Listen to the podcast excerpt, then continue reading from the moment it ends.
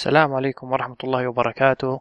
ثمود بن محفوظ معكم في الملخص التقني ليوم الاثنين الموافق 24 يونيو 2013 نبتدي ببعض الأخبار المحلية وهو حصول شركة أكسيوم المعروفة هنا في السعودية وأظن في الإمارات أيضا بأنها تبيع الهواتف الذكية وهواتف النقال بشكل عام على رخصة مشغل اتصالات افتراضي. مشغل الاتصالات الافتراضي يختلف عن مشغل الاتصالات العادي فأنه يشتري مثلا الدقائق والساعات أو خدمة الهاتف النقال بشكل عام من شركات اتصال كبرى زي STC زي موبايلي وغيرها وبعدين يبيعها على شكل حزمات أو باكيجات للزبائن الآخرين.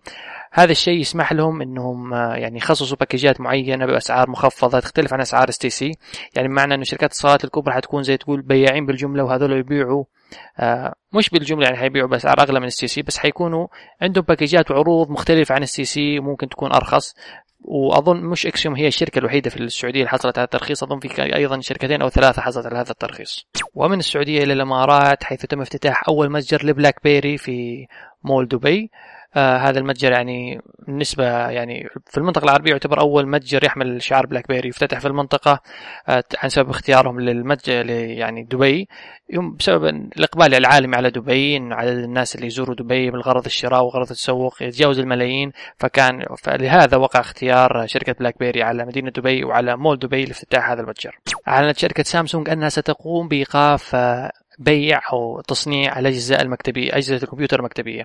مع أنها ستنقل تركيزها الآن على الهواتف الذكية على آه مش اللابتوبات يعني اللابتوبات حتستمر اللابتوبات والأجهزة اللوحية حتستمر بس الأجهزة اللي هي الديسكتوب اللي تنباع لحالها هذه سامسونج حتوقف تصنيعها لأنه الطلب عليها أقل وأظن يعني بشكل عالمي بدأ الطلب يزيد على الأجهزة ممكن اللوحية والهواتف الذكية تريها اللابتوبات بس الأجهزة المكتبية.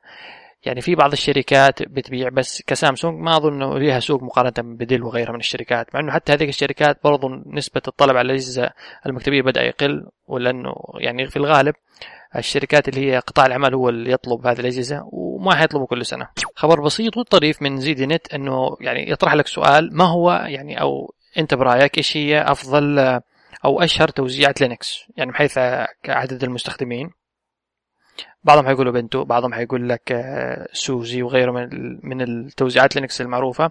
لكن في الحقيقة هي اندرويد صح اندرويد شغال على نظام هو عبارة عن نسخة من لينكس أو يستخدم نواة لينكس بس يعني بالإضافة إلى بعض الأدوات الخارجية بس هو في الأخير اندرويد هو لينكس فتوزيعة لينكس الأكثر شعبية حنقول بين الناس هي اندرويد خبر آخر من Slashdot يحذروا فيه من المخاطر اللي مرتبطة ب HTML5 HTML5 أضافت ميزة إنك تقدر تخزن البيانات على المتصفح.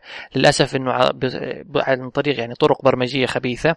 ممكن إنك هذه البيانات اللي قام مثلا موقع بتخزين على جهازك ممكن موقع آخر يدخل برمجيا هذه البيانات يسرقها يستفيد منها أو يقوم مثلا بزرع شفرة خبيثة تستخدمها المواقع الاخرى وتتسبب بمصيبة. ف HTML5 صح فيه بعض الميزات لكن أيضا تحتوي على مخاطر أمنية. والخبر الأخير متعلق أيضا بمصادر مفتوحة وهو أن بلاي ستيشن 4 يعمل على نسخة معدلة من نظام فري بي اس دي. فري بي اس دي هو يعني نظام شبيه بيونكس ولينكس من تطوير يعني تم تطويره في جامعة بيركلي لكن يختلف عن لينكس في أن الرخصه حقه يعني ما تلزم مثلا أنا شليت FreeBSD وعدلت عليه قليلا ما تلزمني ما تلزمني الرخصة إني أشارك اللي عدلته الشفرة مع الآخرين هي الحرية.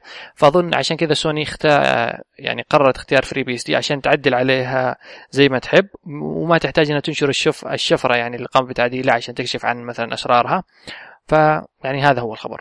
كان هذا ملخصكم التقني اليوم الاثنين. إن شاء الله النشرة تكون عجبتكم. لا تنسوا تتابعون هنا على SoundCloud dot com slash ثمود ممكن تتابعوني على تويتر ثمود وأتمنى إنكم تشاركوا الحلقة على تويتر على فيسبوك على Google Plus يعني تعملون لي برضه following تبلغوا الآخرين. وإذا عندكم أي اقتراحات ممكن تتركوها في التعليقات راسلوني ثمود @gmail.com وشاكر لكم استماعكم. والسلام عليكم ورحمة الله.